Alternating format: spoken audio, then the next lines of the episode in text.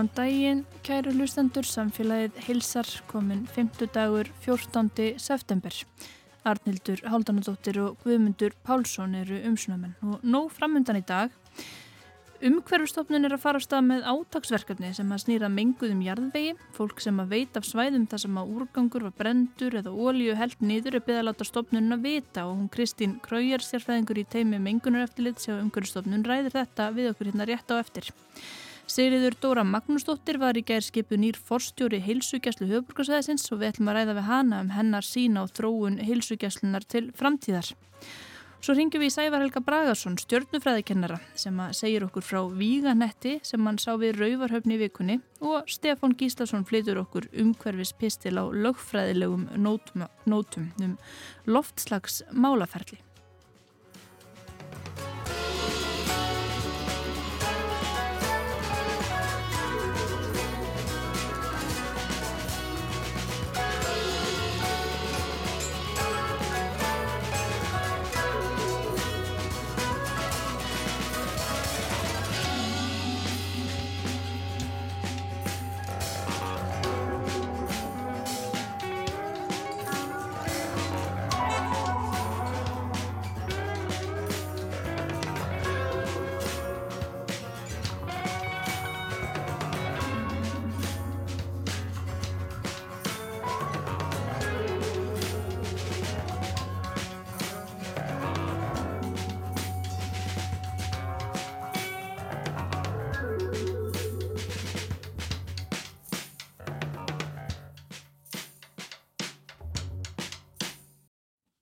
Já, hún er komin hingað, hún Kristín Krójar, sérfræðingur í teimi mengunar eftirlits á umhverfstofnun. Velkomin til okkar í samfélagið. Takk fyrir það. Þið eruð með átagsverkefni sem að snýra jarðvegsmengun. Getur þú sagt mér bara aðeins meira frá því um hvað þetta snýst? Já, uh, við erum uh, búin að setja saman gagnagrunn um mengusvæði á Íslandi eða svæði þar sem grunur leikur á mengun og við erum búin að vera að eða síðustu mánum í að fylla inn í þennan gagngrunn og nú bara þurfum við aðstóð frá fólkin í landinu til þess að finna þau svæði þar sem að grunnleikur áumingun og það er það sem þetta verkefni snýst út að, að sækja okkur aðstóða, fá hjálp við að finna þessa mingun.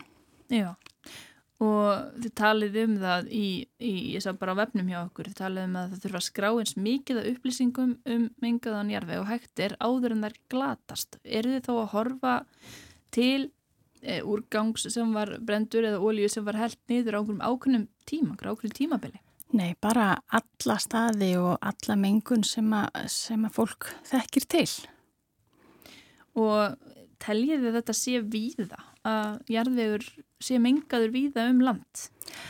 Já, það er náttúrulega mörg svæði alveg vitt og breytt um landið og það náttúrulega mengun er, er náttúrulega mismikil.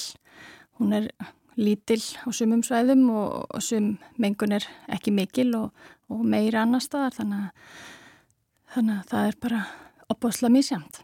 Já, og helstu mengun að valdarnir vantala alls konar sem að getur menga í jarðvegin okkar. Já, það er bara allt mögulegt, öll, öll mannleg starfsemi getur valdi mengun. Bæ, þá eru við bæða að tala um stóran þungan yðnað eða, eða lítilverkstæði og bensinstöðvar og, og svo náttúrulega öll óhöpp þar sem að ólíubílar hafa oldið eða þar sem að hafa lekið ólíja og svo náttúrulega ef að það hafa gerst um, að það veri held út ólíu til dæmis um, og það sem hefur verið grafin úrgangur, þetta er alveg alls konar sko. Já, búisti við því að þessa staði sé frekar að finna í þjættbíli eða frekar í, í sveitum landsins, hvers konar svona ábendingar búisti helst við að fá? Við náttúrulega vonum til þess að fá hans margar og hægtir Já. og bara byggjum fólkum að senda inn allt sem að allt sem þetta eftir í hug og, og alla staði sem það ímynda sér og þekkir til að það að hafi lent niður einhvers konar mengun og við vinnum síðan úr þeim gögnum og það er miklu betra að fá inn meiri gögn en minni. Þannig að fólk þarf ekki að vera alveg með það á tæru hvort að jarðvegur hafi mengast einhver staðar eða nákvæmlega hvar? ef að það hefur einhverju hugmyndi að gruna þá á það að hafa samband. Já, það er náttúrulega betra ef það veit hvar uh, mengunin er, því við erum helst að sé sett, uh, sko, staðsetningin sé nokkur neina hreinu. Uh, hvað var þar magn eða, eða hvort það sé menga, þá er, þá er dugar að það sé grunur um mengun. Og við umhverjastofnun heilbíðis eftir litin rannsökum þá máli hvort að sá grunur sé staðfestur eða, eða ekki. Já, hvað er svona verst, hversu þrálátt getur þessi mengun verið? Ef einhver heldi ólíu eða einhverju, einhverju spillefni í jörð fyrir 70 árum síðan er, er mengunin enn til staðar? Hún getur alveg verið það. Það fyrir bæði eftir sko, hvers konar mengun þetta er, hversu þrálátt hún er og eftir því hvern, í hvers konar jarfveg uh, hún lendi. Jarfvegurinn er mis, uh, bindur mengun mismikið eða, eða hleypur henni dýpra ofan í jarfveginn eða, eða hjálpar til við niðurbrót. Það er bara rosalega mismunandi eftir staðsetningu og tegund mengunar. Já, og svo er þetta líka sko, hérna listin er, eru gamlar bensínstöðvar, brennur, gamlar smurstöðvar og svo riðugrafir, mildisbrandsgrafir uh, skotvellir, gamlar spennustöðvar, niður yfir skipa, þetta eru alls konar svæði sem koma til greina. En þetta með landbúnaðar þegar maður skoða korti, þeir eru komið með kort í loftið og þar eru ímisnitt og, og maður getur ítt á þau til að sjá frekar upplýsingar. Þetta er mjög mikið einmitt eh, svæði þar sem maður hefur komið mildisbrandur eða riða. Já, það er vegna þess að við fengum mjög góðan uh, lista yfir eh, mildisbrandsgrafirnar í landinu. Þess vegna er svona mikið að punktu með þeim komnar inn og þegar að því að það er upplýsingar sem við gáttum sett inn sjálf. En uh, þessi listi á heimasíðin okkar þar sem við erum að leita eftir, hann er ekki tæmandi. Þetta er bara svona hugmyndir til þess að gefa fólki smá hugmyndum hvað það er sem við erum að leita eftir. Nefnitt og ég raka mynd augunni hérna eitt dæmi þar sem að var mildisbrandsgröf í ófegsfyrð og ströndum og það er þess að talaði um það þarna þetta var 1930 til 1940 ein kýr dó og í Ísafóld segir mildisbrunni hefur drefið nýlega 7 hrós, 1 kú og 1 nöyt í eyvindartungu. Mun dref svo þessi staf af útlendri húð sem bleitt hefur verið í lignu vatni sem skeppnur drekka úr. Og svo var jörðinni þarna raskað uh, 2020 og ekki vitaði mitt um um þennan mildisbrand þannig að þetta er alveg uh, hætta í dag eitthvað sem er mjög gott að vita af einhverju svona. Já, þetta, það er umfélag kjarnimálsins þetta er svo mikilvægt að eiga þessar upplýsingar þegar það er verið að fara í framkvæmdir að, að vita að því hverju, hverju maður gengur að uh, og vita mengaður jarfur þarf ekki að stoppa framkvæmdir eða, eða koma í veg fyrir það sé eitthvað hægt að gera, maður þarf bara að vita hvaða, hvaða hættur geta verið á svæðinu til þess að segja fyrirbyggja að það kom eitthvað upp á. Já, og það er þó að ráðast í sko ef að það er eitthvað, það er kannski flókið að reynsa hvort sem það er sko ólíja eða, eða mildisbrandur, þar kallar þetta kannski á, á flóknar aðgerðir þá til þess að gera í þetta svæði byggingarhæft til dæmis? Það getur alveg, alveg gert það í sumum tilfellum ef maður er að fara í stóra framkvæmdir á svæði sem er mengaða þá, þá krefst það ofta á tíðum aðgerða bæði rannsókna, ítarleira rannsókna og, og síðan reynsuna framkvæmda. En, en akkurat eins og er eru við að reyna að kortleggja einmitt þessi svæði svo við höfum þennan bakgrunn í skipulagsvinnu og, annari vinnu hérna á landinu og hjá stjórnvöldum og einstaklingum þannig að uh, eiga þessar upplýsingar. Já, fyrir, fyrir komandi kynnslóðir áður en þar glatast. En er eitthvað í regluverkinu sem að eins og til dæmis bara með gamla urðunarstaði þarf að, að eh, skráða á eða, eða er þið ekki með neinar upplýsingar um, um sumt af þessu og þurfa að reyða ykkur alfarið á almenning? Já, við, það er þannig. Eh, það er náttúrulega sumt af þessu er, er þekkt sem hefur verið starfsleifi eða er starfsleifi en mikið af þessu er bara gömulsvæði þar sem að eh, eru ekki til upplýsingar allavega ekki hjá umhverjastofnun. Það eru kannski til, öruglega til upplýsingar um örgarsara svæða hjá sveitafélagunum en svo eru bara bestu upplýsingarnar e, í minnum fólks og það er það sem að, við erum að sækjast eftir. Já, eru þið farin að fá einhverja ábendingar frá fólki? Hefur eitthvað borist eitthvað? Já, það er farin að detta inn uh, ábendingar. Það er núna síðustu dag að hafa komið alveg þó nokkrar. Það hafa, alltaf, það hafa verið að koma undarfarna mánuði alltaf nokkrar en nú er það farnar að rinja inn. Eitthvað áhugavert sem að hefur komið þú síkast þið? Það er allt áhugavert. Já, ekkert, svona sem að þú svona, já, ert sérstaklega spennt fyrir að, að láta skoða. Uh, þetta eru allt saman sko ábendingar sem að uh, sem ég sem sérfræðingur hjá umhverfstofnun hefði ekki geta vitað af. Uh, þetta eru ábendingar sem að fólk hefur tekið eftir, hluti sem fólk hefur tekið eftir í sínu nærumhverfi og, og veit um frá því í æsku að hafi verið gert og framkvæmt á, á hinnum ímsu stöðum. Nefnitt. Nú er þetta sko, þú ert að fara flakkum landi og halda kynningafundi bara til þess að ná betur til fólks og hverju svæði. Hvernig verður það? Já, það er rosa spennandi. Vi, ég er að fara núna næstu daga og vikur uh, á út, uh, kringumlandið eða á margastaðalandinu og, og vera með svona opna fundi til þess að hitta fólk og, og segja frá verkefninu og aðstofa fólk sem að vil setja inn í, í gagangrunnin en, en en kannski tristir sér ekki alveg til þess og, og vil fá leiðbynningar hvernig það fara að og þá verði ég á, á þessum stöðum og get leiðbynd fólki. Fyrsti fundurinn, hvað er núna bara eftir helgi á Akureyri? Já, uh, ég verð fyrir norðan og austan uh, næstu viku. Akureyri á mándaginn, Mývatna þriðdaginn og Reyðafjörður og, og Egilstaður á miðugudaginn en dagsetningar og staðsetningar eru á heimasíðun okkar umhverjust.is Þannig að það kemur örgulega ímislegt uh, upp á krafsinu þar og fólk eitt situr og alls konar upplýsingum en sko þið talið um það að fólk, það sé best ef að fólk skilar þessum ábendingum inn undir nafni en það er líki bóðið að skila inn nafnlaust. Uh, hvers vegna er betra að fá ábendingar undir nafni? Uh, ef að í sumum tilfellum gætu við uh, viljað uh, fá auka, auka upplýsingar til dæmis og það er auðveldar að gera ef við vitum hver, við vitum hver var sem sendin upplýsingarnar. Uh, fólk hefur, sumir hafa sendt okkur bara símanúmur og mail til þess að við getum haft samband til þess að fá fleiri uh, ítalur upplýsingar til dæmis. En svo er aftur á móti eins og bendur á mjög mikilvægt að fólk getur líka sendin nafnlaust. Það vil kannski ekki endilega uh, bara finnst það örugara, þægilegra. En uh, þessar upplýsingar um hverju skila inn þær eru ekki aðgengilegar neinum heldur en, heldur en eftirlitsaðilum. Þannig að það er ekki neinar upplýsingar sem að byrtast á vefnum. Ekki byrtast ekkit ofinpellega en er þetta sko feimnismál fyrir fólki?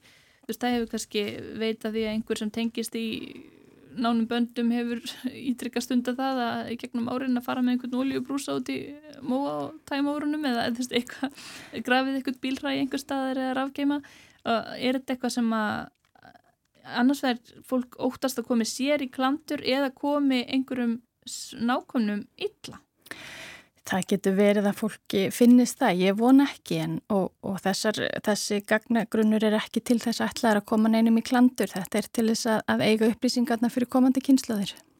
En það er ólöglegt er það ekki að, að alltaf að brenna sorp og líka losa spillefni út í náttúruna? Jú, það er það, en, en við þurfum samt sem áður að vita af þeim stöðum sem það hefur verið gert uh, í gegnum tíðina.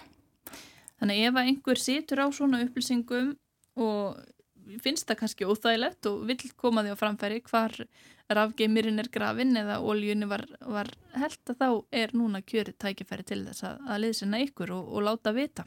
Algjörlega.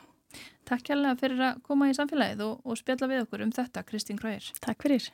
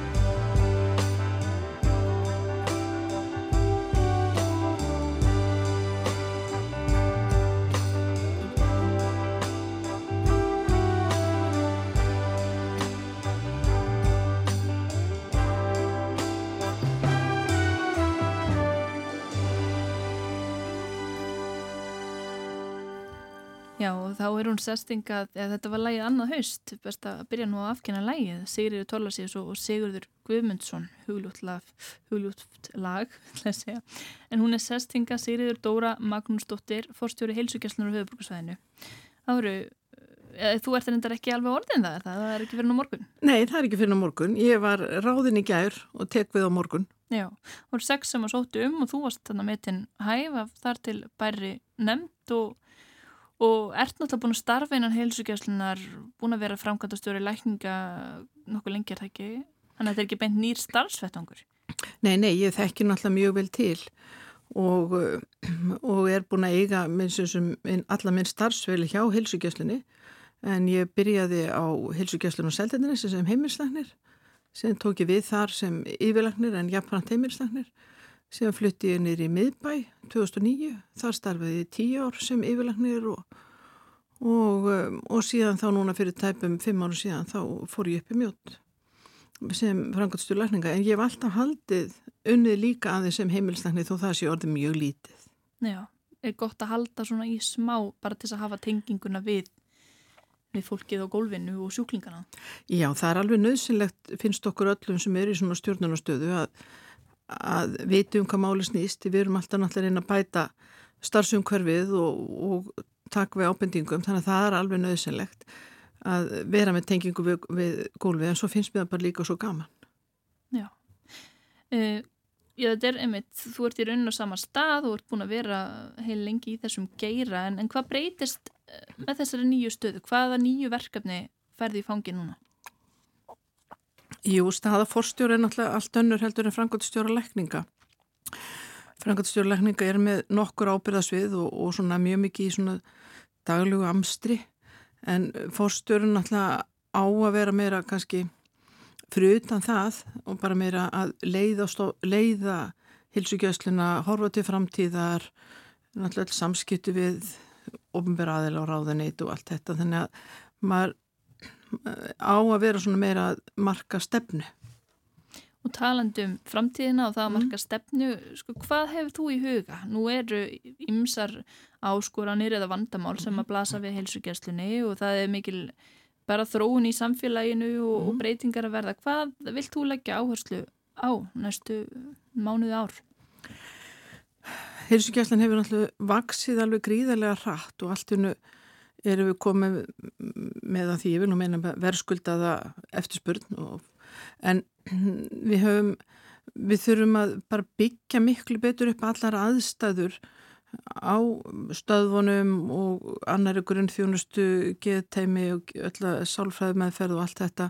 Við þurfum að byggja þetta miklu meira upp til að geta annað eftirspurninu sem er eftir þjónustunni hjá okkur og um, þannig ég lít nú á það sem svona vitt helsta verkefni því að fyrst og fremst eru við náttúrulega með skjólstæðingin í forgrinni, þetta snýst um að þjónusta skjólstæðingin og það er nú nummer 1, 2 og 3 hjá okkur en það er bara svo, það kreppir svo víða að, okkur vantar húsnæði, við, við viljum gætna ráða fleira fólk og til að sinna öllu því öllu þessu vilja koma til okkar.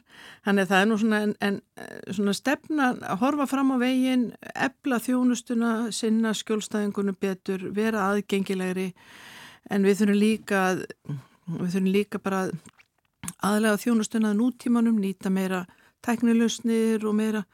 Þannig að tryggja það þá að hver og eitt svona við sem alltaf nýta starfskraftana sem best. Það er líka eitt af því sem þurfum að gera Já, og þú talar um að, að þið vilja vera aðgengilegri og, og það sem mikil eftirspurn er sko, eh, eftirspurnin er miklu meira um frambóð en er það vegna þess að fólk sækjar miklu meira í heilsugjastluna mm. eða er það út af þessum þráláta mönnunar vanda og manneklu? Það bara spilar allt saman. Við náttúrulega heilsugjastlan á að vera aðgengilegu fyrstu viðkomustadur og þarna gríðarlega þekking hjá fjöl, sko, mjög stórum hópi starfsmanna. Þannig að bæðið fólk sem betur fyrir góða reynslu að leita til okkur, leita til helsugjöslunar svo eru breytingar í umkörun líka verkefnir að færast til okkar. En, eh, og svo er bara líka við erum með mjög öfluga starfsmenn og valimæður í hverju rúmi en, en það bara við náum ekki að sinna öllu því sem að óskaður eftir. Og svo er náttúrulega, má ekki gleyma því heldur að það er alls konar upplýsingar í gangi út í samfélaginu, það eru spjallópar á netinu og það er Dr. Google og alls konar þannig að við erum núna að reyna með svona, svona verða sterkari því að leiðbina fólkjum hvena þá að koma til okkar og hvað er eðlilegt að láta bara hafa sín gang Já, er fólk að leita meira til ykkar með smávæli vandamál eða, eða finnir þið fyrir þessu bara með, með þú nefnir Google og það er komna svo miklu upplýsingar og maður mm. getur henni mm. sem ólæknisfræði mentaður einstaklingur leita sér mikill að upplýsinga sem sumar eru bara fínar, aðrar kannski ekki eins. Er þetta eitthvað sem hefur breykt mikið starfi heimilislæknisins að, að þurfa einhvern veginn að mæta skjólstæðingi sem að getur ekki bara, leggur ekki allt tröstsitt á heimilisagnin heldur mm. er kannski undirbúin og búin að mm. einmitt afla sér mikill að misgóðra upplýsingar sjálfur. Við hefum alltaf fundið fyrir þessu en bara eh, tækninni flegið svo hratt fram og það er svo mikið af svona spjallveitum og, og misgóðum upplýsingum í gangi. Það er mjög mikið um falsfrettir og rángar upplýsingar líka. Þannig að þetta hefur bara samhliða tækninni og það er allir með bara alfreðorðabók í vasanum. Það sem þú getur flett upp öllu og þetta er, þetta er orðið miklu meira heldur en var og við erum að reyna að vinna gegn þessu með ímiskonar upplýsingaveitum, til dæmis heilsuvöru, það er náttúrulega gríðalega öflugur þekkingavefur orðið þar með, með heilsuvörunni, svo erum við netspjall heilsuvöru þar sem er það sem ferðin ópersonagrenilegt og þar bara getur komið þína spurningar og fengið ráð. Þú getur líka sendin á mína síður, þá ertu búin að personagreina þig og sendir ákveðið ákveðna fyrirspurnið, ákveðna lýsingu á þína stöð. Þannig að, og, en, og svo erum við náttúrulega núna og er að vaksa mjög hratt hjá okkur upplýsingamiðstu hilsugjastlunum sem er reynd að svara netspjallinu og er með þekkingavefin. Því við erum að reyna svona leiðbina fólki betur þannig að fólk sé ekki að koma að óþörfi til okkar því það er náttúrulega óþörfi bæði fyrir okkur og skjólstæðingin. Við viljum frekar að fólk sé búið að fá ráð, það sé búið að meta erindin og og, svona, og þetta er allt sem að skráðin í samílan ganganagrunn þannig að þegar fólki kemur þá þá, þá er allir sáttir með samtalið. Þetta er þá sko eitthvað sem eigur í rauninni aðgengi að, að þjónustu og það svona mm. lækkar þröskuldin mm. en, en mingar þetta ála á ykkur eða, eða eigur það kannski líka? Nei, þetta hefur sínt sig minga álægið að eh, ef að fólk fær eh, góð ráð, og það er kannski vísan og þekkingabef, ef fólk fær góð ráð og góða leipinningar og svona tekin sjúkarsaga, þetta er mjög reynda starfsmenn í þessu sem fara eftir alþjóðlegum eh, alþjóðlegum leipinningum um hinn og þennan sjúkdóminn. Þannig að þetta hefur sínt sig minga mikið áleið þannig að, að það er allavega mjög til bóta. Já, en aðeins bara eins og heilsugjastlan snýrað að notendum eða sjúklingum mm. uh, það hefur verið kvartað yfir því að uh, það bara sé nánast ómögulegt að panta tíma hjá heimilisleikni. Mm. Fólk fyrir að heilsu veru allar að panta það er bara ekkert laust næstu vikurnar og mm. þegar það lóksins kemst að ef, það, ef því tekst á að panta mm. þá er það sem hrjáir það kannski bara úr sögunni. Mm. Þetta er náttúrulega stort vandamál. Þetta er, við bara erum mjög vel meðvituð um þetta og viljum gera hvað sem við getum til að lagfæra þetta. Meðal annars þá með því að vísa þessa símaþjónustu sem er 1700 símin eða 513-1700 að eh, því þeir, þær hafa svo sem möguleika til að bóka þá erindi og það inn á, á dagvaktinnar sem eru bráð og saman alltaf með símaþjónustu hilsukjálsastöfana. Þannig að við erum mjög vel meðvituð um þetta og svo er hitt vandamálið að að stöðvar hafi ekki trist sér til að bóka mjög langt fram í tíman, marga með lokaði eftir mánuði, einn og hálfa mánuði að því að mm, það hefur ekki verið nú, þá er alltaf komin doldir forföll, fólki batna, það gleymir það á tíma og svona, þannig að við erum svona að reyna hverju tími nýti sem best, þannig að þessun er ekki hægt að bóka mjög langt fram í tíman en við viljum finna eh, leiðir á því sko Er, sér þú þá fyrir þér í rauninni að þetta verði meira þannig að fólk komi bara inn á vaktirnar, þetta sé meira svona þessi bráða þjónusta og, og minna um það að fólk sé að, að panta uh, tíma hjá sínum lækni og sé alltaf hjá sama lækninum? Nei, þannig að einmitt það sem við viljum snúa við, það er okkur mjög mikið kappsmál að snúa því við. Því að dagvaktinnar hafa verið alveg óheimið þungar og mikið rúla þar í gegna því að fólk hafði þessu sem engin önnur úræði en við viljum einmitt reyna að snúa því við þannig að dagvaktina séu bara fyrir bráði erindi sem ekki þóla byggð og við getum verið meira á tímum sem eru fyrirfram bókaðir og, og, og annarkvort bóka langt fram í tíman eða viku fram í tíman af því það er náttúrulega það er miklu betri þjónusta fyrir alla og veitir starfsmannunum og miklu meiri ánægi þannig að þessi samfelli þjónust er það sem við viljum sjá. Þannig að við viljum snúa þessu við og erum byrjuð en, en það bara við erum ekki búin að ná að, að, að, að leðra þetta eins og við vildum. Já, þannig að það er eitt af þínum markmiðum að svona koma aftur á þessu sambandi sjúklings og, og heimilisleiknis sem mm. þá getur fyllt honum eftir og, og svona, já, þetta er samfellan, samfellan er svo mikilvæg og þá er svo miklar upplýsingar hjá í þessu sambandi, það er svo mikið sem leknir veit sem kannski stendur ekki í einhverju tölvinótu. Þannig að það er svo gríðarlega mikilvægt að hafa þessa samfellu. Við þurfum líka að vera aðgengileg fyrir bráð erindi. Þannig við þurfum að finna en, en svona og það eru bjartari tíma framöndan. Við erum búin að vera til dæmis með mjög öflugt sérnam í heimilislegningum og það er að stittast í að útskrifist doldi góður hópur. Svo má náttúrulega ekki gleyma því við erum með svo miklu fleiri starfstettir inn á stöðvunum og við erum með náttúrulega hjúkunarfræðinga, sálfræðinga og sjúkarþjálfar að hluta til og svona þannig við og heilsugjæslinni í dag er orðin bara svona mengi af bara mörgum starfsmönu sem vinna saman. Þannig það er ekkit vist allt öll erindi eigi að fara til læknis eins og kannski var áður fyrir nú eru bara komið með svo sterkan hópi kringa fólki sem vinnu saman. Og það er það sem við viljum sjá. Og á stöðum í dag er ég vil bara mjög góð samvinna sérlega millir leikn og hjúkunarfræðinga þeir vinna bara mjög mikið saman. Og allar þessar hinnar starfstittina líka. Já, við erum alltaf ná mikið að fara yfir allt mm. í, í þessu mm. en, en það er eitt sem hefur líka verið nefnt og það er svona tölvukerfin og svona í með skriffinska sem heilbíðistar mm. sem þetta eru að sinna er það, erstu með einhverju lausnir af því? Nei nema bara býða fólk ekki verið býða, býða okkur um að skrifa, skrifa vottur sem ekki þarf því að eh, þarna er samtali í gangi og það stjúkartryggingar löguði til hjá sér og og ymsir svona sem voru að byggja um, við erum að samtala við félagsþjónustunum, við erum ekki að byggja um vottorðum heimaþjónustu og meira. Það er svona gamla leifar af vottorðum og skrifinsku sem er alveg óþarfi. Svo mann ekki gleyma því að, að fólk á sína sjúkarskrá og þá er rétt á að fá afrið af sinni sjúkarskrá og það hefur við vitað alltaf. Sjúkarskráin er ekki opin á netun en það kemur að því þannig að fyrir öll tryggingamál og eitthvað svona þá fólk bara geta fengið afrið af sinni sjúkarskrá við sem ekki að sita þarna ofta tíum klukkutímum saman að skrifa vottorð fyrir eitthvað heldur bara fólk á þennan þetta fer með þessu upplýsingar áfram. Þannig að það er mjög mikilvægt að nýta tæknina eins og við mögulega getum til að leta okkur lífið.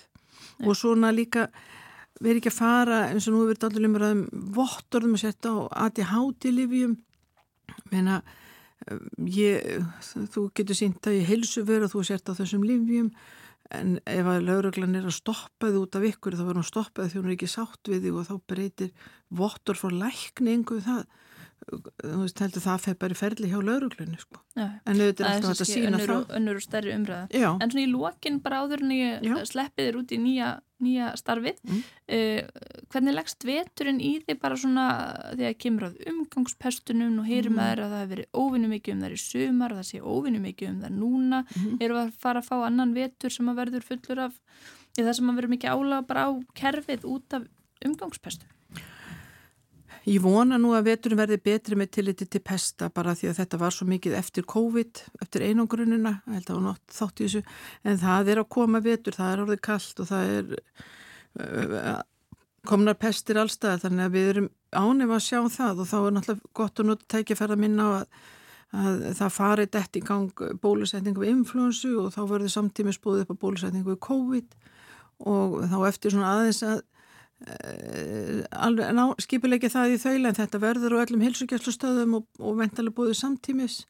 Og svo er eitt sem er nýmæli þetta kemur alltaf frá sótarnalegni að ég fyrra var byrjað að bjóða upp á bólusetningu við inflóðs við börnum. Og það verður eh, búið upp á það áfram í, í áru og ventalega þess útvikað því það sýnir sér sem að það eru blessu börnin sem eru daldi að smita fullorna fólkið og valda fjárfustum þannig að þetta er þetta er svona, þetta á eftir að koma skýra en þetta verður í bóði. Takk helga fyrir að koma í samfélagi, segir Dóra Magnúsdóttir og gangið vel í nýju starfi. Takk fyrir.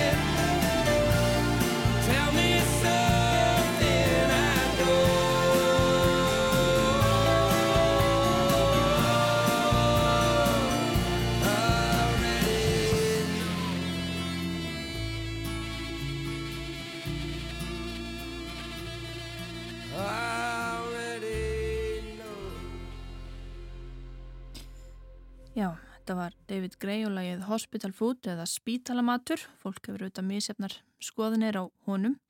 En Sævar Helgi Bragarsson, stjórnufræði kennari og oft kallaður stjórnu Sævar, hann er á ferðinum landið á sem tópi ljósmyndara og sá í fyrrakvöld víganött yfir heimskautagerðinu við Rauvarhöfn. Og við rættum þetta við hann.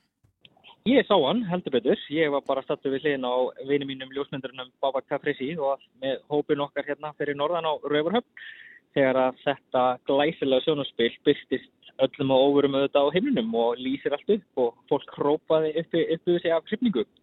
Þetta er eitthvað sem er sérst ekki tækt að sjá fyrir. Ekki, þetta var ekki tilefni þess að, að Babak Kafrisi ljósmyndari National Geographic og hópur á ljósmyndurum var þarna. Uh, nei, þetta eru bara eins og stjórnurhjöpp, svona veganettir, er bara alveg sérstaklega björnt stjórnurhjöpp og verða það til þeirra loftsteinar koma inn í andrumsloftu og brenna upp og bara fyrir algjör að tilviljun og hefni vorum við akkurat að horfa í rétt átt á háréttu augnumbliki þegar þetta byrstist okkur svona líka glæsilega á himnunum. Hefur þú séð svona veganött áður með eigin augum? Já, ég hef síð nokkra veganætti áður en uh, engan jafn rosalega skerðin eins og þennan sem við sáum í fyrir tveimur kvöldum síðan. Uh, maður kannski sér það svona einu sinni á tíur á fresti eða svo, svona rosalega ábyrgandi, þetta er svo bjartasti sem ég hef nokkur tíma séð og raun og líka svo bjartasti sem allir ferðalangandi með okkur hafa nokkur sinni séð. Og hvað segir þetta okkur um bara hvað er í, í gangi í, í geimnum? Er jörðin stött í einhverju svona smá styrna loftsteinabelti sko, þessi tilteknisteitn var nú vantalega bara handahófi en jörðin er að fara í gegnum núna um þetta leiti mánæðarins í gegnum loftsteinadrífu sem kallast Andromedítar og þannig er auðvitað að segja til um hvort að þessi tiltekni steinn hafa verið hluti af henni en það gerist annars lagi að jörðin, þegar jörðin ferðast í kringum sólina að þá fer hún svolítið eins og snjóplóður í kringum hana. Þannig að allt sem að verður á veginar það brennur bara upp í andrumslofti og þá eru við að tala um litlar steinvölur sem að mynda þá svona veganetti eða jafnvel stærri. Og svo aftur svona kannski bara rík sem að hala stjórnur og smástöfni skilja eftir sig. Og þá sjáum við þessi svona dæmikýru stjórnusöp þannig að stundum vitum við nákvæmlega hvenar má búast við fleiri stjórnusöpum en alltaf jafna á heimlinum en svo koma þessir víganhettis bara algjörlega upp úr þurru. Það er allavega mjög sjaldan sem okkur hefur tekist að finna þá áður en það skella á jörðinni.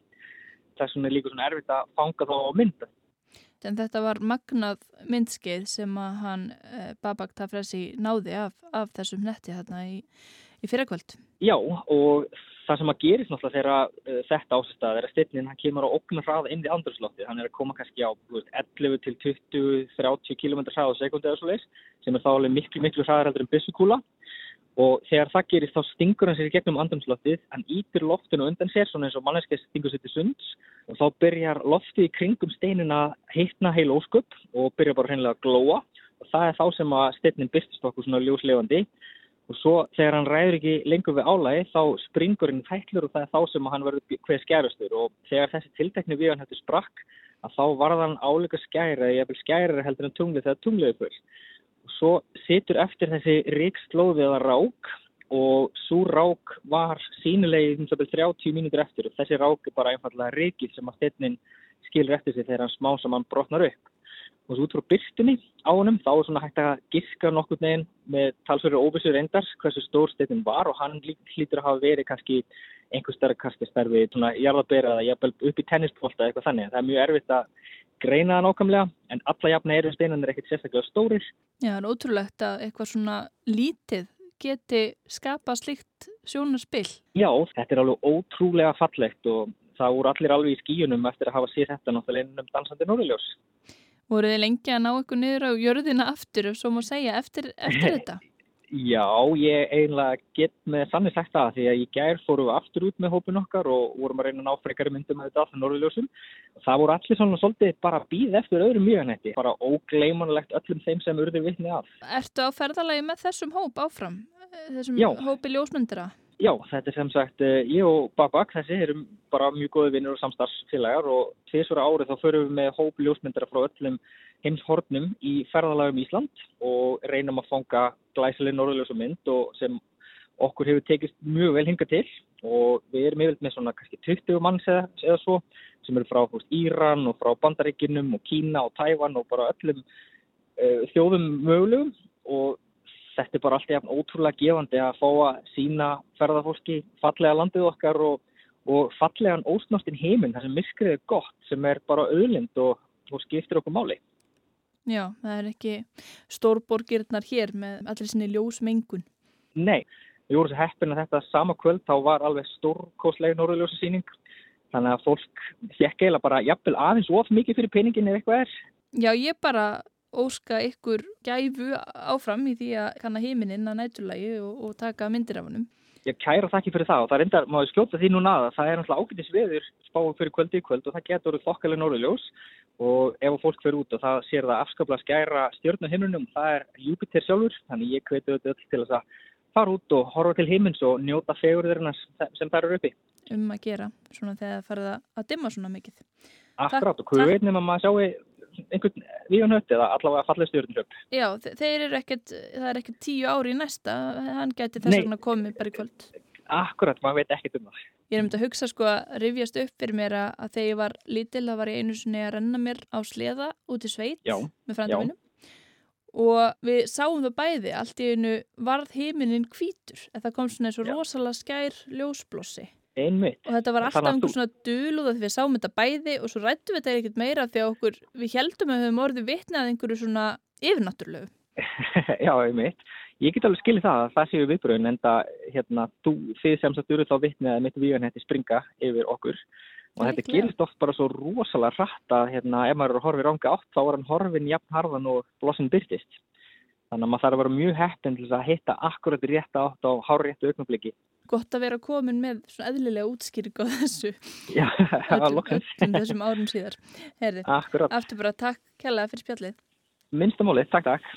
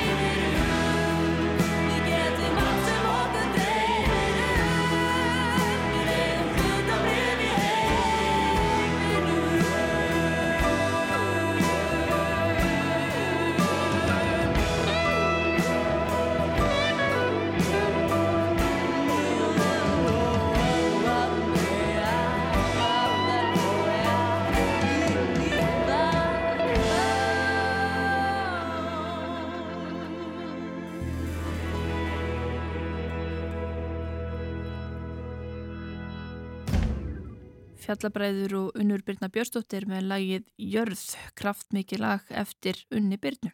En þá leipum við Stefáni Gíslasinni að með umhverfispistil um loftslagsmálaferli.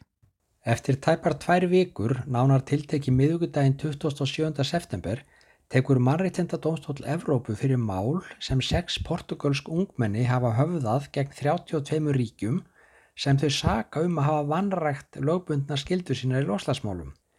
Málu var uppálega sendt til domstólsins 3. september 2020 og var sett þar í flíti meðferð með hliðisjóna mikilvægi málsins. Síðan þá hefur domstólinn tekið við skriflegum rauksemdum begge aðila, það er að segja portugalsku ungmennana og hinna ákerðu ríkja, auk þess sem yfirnefnd domstólsins hefur haft máli til umfjöllunar eins og gertir í undartekningar tilvikum þegar um sérlega mikilvæg mál er að ræða og nú er sem sagt komið að því að málið verið tekið fyrir og vafalust býða margir spendir eftir niðurstöðni. Endur húntalinn geta haft mikið fordæmiskildi hvað var það lagalega stöðu ríkja þegar kemur að aðgerðum eða aðgerðaleysi í loslasmálum. Mál Portugalsku ungmennar 6 er þriðja máli sem kemur til kasta Marinhetadómstólsins og varða loslasmál. Tvö mála svipuðu tægi voru tekinn fyrir í yfirnefn Dómstólsins 29. mars síðastliðin en í þeim málum snýri málshaunin aðeins að einu ríki í hvoru tilviki. Annars vegar var þarna um að ræða mál hóps aldraðra svistneskra kvenna gegn svistneska ríkinu og hins vegar mál sem nefnt hefur verið Karim gegn Fraklandi. Svistnesku konurna fyrrnemdu mynda samtökin klíma seniorinnan Svæts og reyndar vilt svo skemmtilega til að einn þeirra, Elisabeth Stern, mun segja frá málaferlunum á norrætni rástefnu um eldra fólk og loslasmál sem haldin verður í Reykjavík núna í lok Eins og nærim á geta verður Elisabeth þó ekki á staðnum heldur mun hún ávarpa rástefnuna gegnum fjárfundabúnað en það líta þessar svisnesku konur ekki á það sem valkost að fljúa á milli landa til að tala um loslasmál. Hugsanlega mættu fleiri íhuga réttmætri slíkra ferðalega.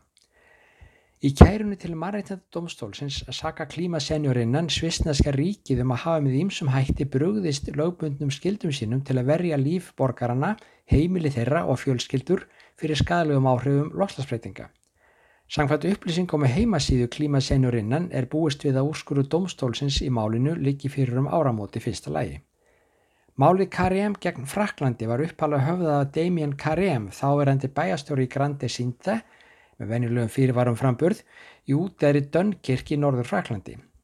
Karem höfðaði máli bæði fyrir hönd bæjarins og fyrir eigin hönd meðal annars með þeim rökum að aðgerðaleysi stjórnvalda í lokstasmálum hefði aukið hættuna á að heimili hans myndi spillast af flóðum. Franskur domstól dæmdi Grandi sínt þegar vil en vísaði engamáli Karems frá. Þess vegna ákvað hann að fara með máli fyrir marreitnendadómstólinn. Dómstólinn hefur reyndar gefið út það álit að í marriðnindar sáttmála Evrópu sem dómurum verður að leggja til grundvallar í öllum sínum störfum séu ekki beinlínis ákvæði um réttin til heilnæms umhverfis. Engu að síður ákvað dómstólinn að taka fyrir öll þau þrjú mál sem hér hafi verið nefnd á þeim forsendum að skemmtir á umhverfinu og berskjöldun gegn umhverfistengtri áhættu gætu grafið undan þeim réttindum sem sáttmálanum er ætlað að tryggja. Hægt væri að nefna mýmörg dæmi og um lostasmálaferli fyrir domstólum einstakra ríkja. Þar með tali svo kalla urgendamál sem fjalla var um í samfélaginu á sínu tíma. Þar var hollenska ríki dæmt til aðgerða sem það er enna klíma við að rinda í framkvæmt. Málinn þrjú sem hér hefur verið nefnd eru hins vegar þau fyrst af þessu tægi sem koma til kasta mannreitt þetta domstólsins og því er víða beði eftir niðurstöðum þessara mála með mikill í eftirvæntingu. Mál portugalsku ungmennan er sérstakt að því leiti að það snýr ekki aðeins að einu ríki heldur 32 ríkjum eins og fyrr segir en er portugalska ríki auglustlega ekki eina ríki sem hefur áhrif á framtíð portugalska ungmenna með aðgerðum sínum eða aðgerðaleysi í lofslagsmálum. Til margsum það hversu miklu máli lofslagsmálaferli þykja skipta í umræðinu um lofslagsmál og velferð komandi kynnslóða má nefna að nú í sumar gaf umhverjastofnun saminu í þjóðana eða UNEP í þriðja sinn út skýrslu um stöðu loslasmálaferðla í heiminum. Í skýrslunni kemur meðal hans fram að þegar allt sé talið sé vita af hvorki meirann er minna en 2180 slík mál sem rekin hafa verið á ymsum dómstegum jamt svæðismundnum sem alþjóðlögum og allt þar á milli. Börn og ungmenni, kvennahópar, einstök samfélög og hópar innfættra standa baki meiri hluta þessara mála og eru þannig eins og það er orðað í skýslunni drivkraftar breytinga á stjórnarháttum í sífælt fleiri löndum um allan heim. Í annari skíslan lofstasmálaferli sem London School of Economics gaf út í sumar kemur fram að umdæðt byl 55% þeirra 549 úrskurða af þessu tægi sem domstólar hafi kveðið upp hafi haft afliðingar sem telja megi jákvæðar fyrir loslæðið. Reyndar geti málaferli sem ekki bera til að ætlan árangur einnig haft sitt að segja þar sem þau séu til þess fallinu vekja aðtikla málum og koma þeim á dagskrá. Málaferla þessu tægi beinist ekki eingunga þjóðuríkjum heldur einnig að fyrirtækjum sem kærendur telli að hafa valdið sér tjóni með aðgerraleysi sínu lostasmálum. Dæmis um að málaferli gegn fyrirtækjum fyrir slíkar sakir hafi för með sér lækkuna verði hlutabriða, svo sem jólífélögum. Í skýslu Júna kemur fram að búast með við fjölgun lofslagsmálaferðla á næstunni, ekki síst mála sem höfðuð verði fyrir hönd lofslagsflótafólks sem neðst hefur til að yfirgefa heimilisin vegna flóða eða annara náttúruhamfara sem að mista kostar hluta með í reykja til lofslagsbreytinga. Í slíkum málum verði viðkomandi stjórnvöld vantanlega krafin um stefnubreitingu og um bætur fyrir tjón sem fólk hafi orðið fyrir. Sem fyrir segir er málaregstur portugalsku ungmennana og hinn tvö málinn sem komin eru til Marrættindadómstóls Evrópu bara líti brota þeim lofslags dómsbálum sem reyginn hafa verið eða eru í gangi fyrir dómstólum víðum heim. Enga síður hljóta úrskurðir fjöldþjóðlegs dómstóls að borðið Marrættindadómstólinn að sæta tíðendum og hafa meiri áhrif en margir aðri úrskurðir í svipuðum málum. Því er ástæða til að býða spennt eftir áramótonum þegar fyrstu úrskurðana er að vænta. Já og Stefán Gíslason hann fær að slá botnin í samfélagið í dag. Við verðum að sjálfsögðu aftur á okkar tíma á morgun. Takk kærlega fyrir samfélgina.